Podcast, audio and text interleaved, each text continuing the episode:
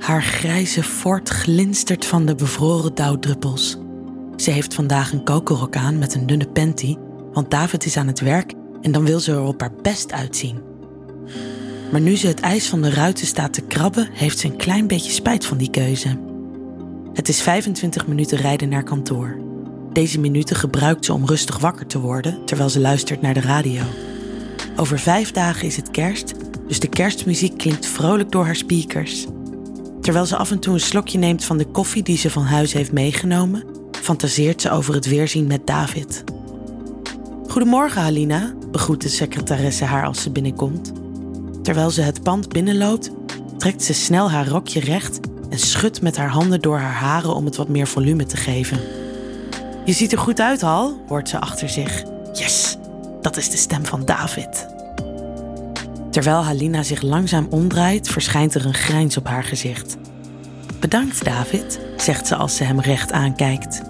Zonder schaamte bekijkt hij haar langzaam van top tot teen. Ze vindt het heerlijk. Prachtig, zucht David. Bij de koffiehoek praten ze over het weekend voordat ze beiden naar hun eigen kantoor gaan.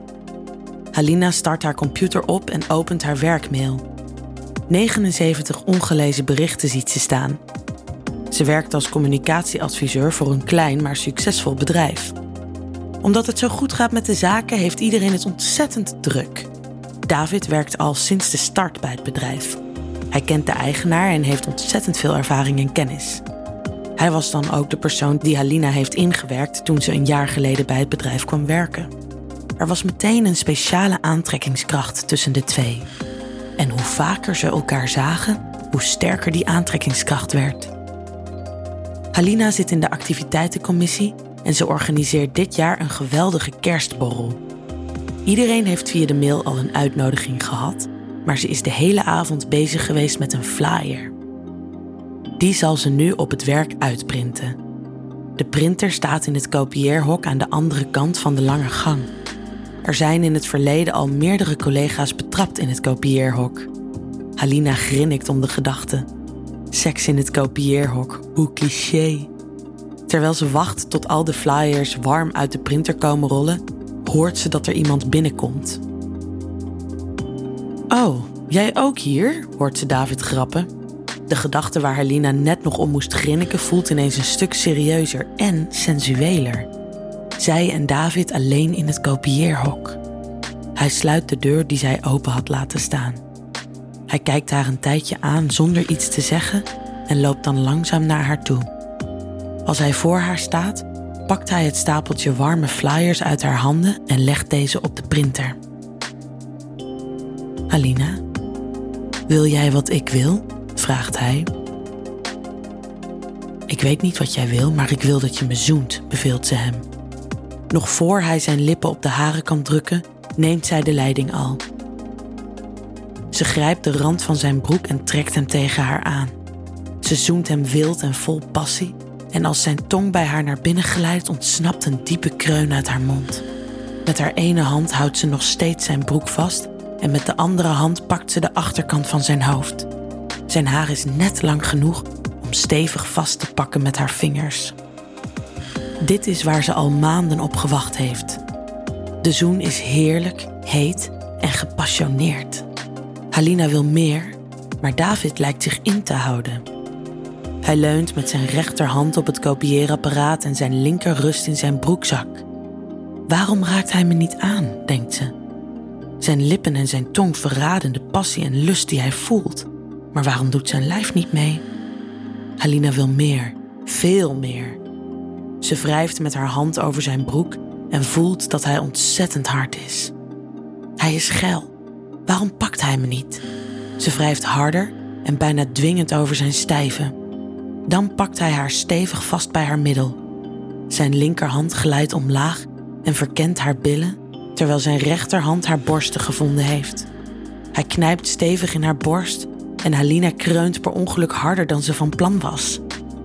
Hij legt zijn hand op haar mond en fluistert: Sst. Zij lacht. Hij haalt zijn hand weg en kust haar vol passie voordat hij abrupt een stap achteruit doet. We moeten weer aan het werk, Hal. In de twee dagen na het kopieerhok cliché lijkt het of David haar ontloopt. Ze snapt er niks van. Hij wilde dit toch? Was het te gretig? Heeft ze het verpest? 23 december. Morgen is de kerstborrel. Halina had er zoveel zin in, maar nu voelt het alleen maar ongemakkelijk. Terwijl ze koffie haalt in de koffiehoek, voelt ze ineens een hand op haar onderrug. Hal, kunnen we vanmiddag even praten? Ze kijkt geschrokken om en vraagt David wat er aan de hand is. Niet hier, zegt hij. Kom als je vrij bent naar mijn auto op de parkeerplaats, wil je? Nog voor ze antwoord kan geven, loopt hij al weg. Verdomme, wat is dit nou? vloekt ze binnensmonds. De rest van de dag kan ze zich natuurlijk niet concentreren op haar werk. Om vijf voor vijf ziet ze David opstaan van zijn bureau. Dit is haar teken om ook af te sluiten. Terwijl ze naar de parkeerplaats loopt, voelt ze haar handen trillen en haar hart bonken. Hij klonk zo streng vanmorgen. Wat heeft ze fout gedaan? Als ze bij zijn auto aankomt, ziet ze dat hij op de achterbank zit. Raar, maar ook wel weer logisch, want de ramen van zijn Volvo zijn geblindeerd. Op de achterbank kunnen ze praten met meer privacy.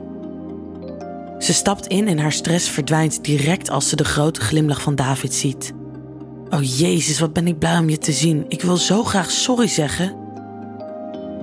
Ik hoop niet dat je boos bent, stamelt hij terwijl hij haar hand vastpakt. Halina is niet boos, maar ze begrijpt niet wat er aan de hand is. David legt vervolgens uit waarom hij zich zo gedroeg. Het zit zo. Sinds de eerste keer dat ik je zag, Halina, deed je wat met me. Je raakt me, je prikkelt me, je wint me op. Ik wilde direct meer van je weten. Ik wil alles van je weten. Ik wil je leren kennen zoals niemand je kent, maar ik kon het nog niet. Alina is er stil van. Wat een mooie woorden. Zo heeft ze hem nog nooit horen praten. Waarom kan dat niet?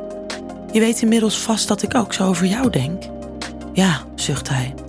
Dat weet ik. Maar ik zie iemand, of nou ja, ik zag iemand. Het voelt niet eerlijk om met jou verder te gaan terwijl ik nog met haar was. Daar gaan we weer, denkt Halina. Keer op keer zijn het de bezette mannen die haar willen. Wat is dat toch? David, luister, ik waardeer het, maar als je met iemand anders was, waarom zoen je me dan wel? Ik wil jou, zegt hij, terwijl hij haar ernstig aankijkt. Ik wil jou laten genieten. Ik wil je ruiken, voelen, proeven. Ik wil weten wat er met je lichaam gebeurt als ik dit doe. Terwijl hij dat zegt, glijdt hij met zijn hand over haar bovenbeen richting haar liezen.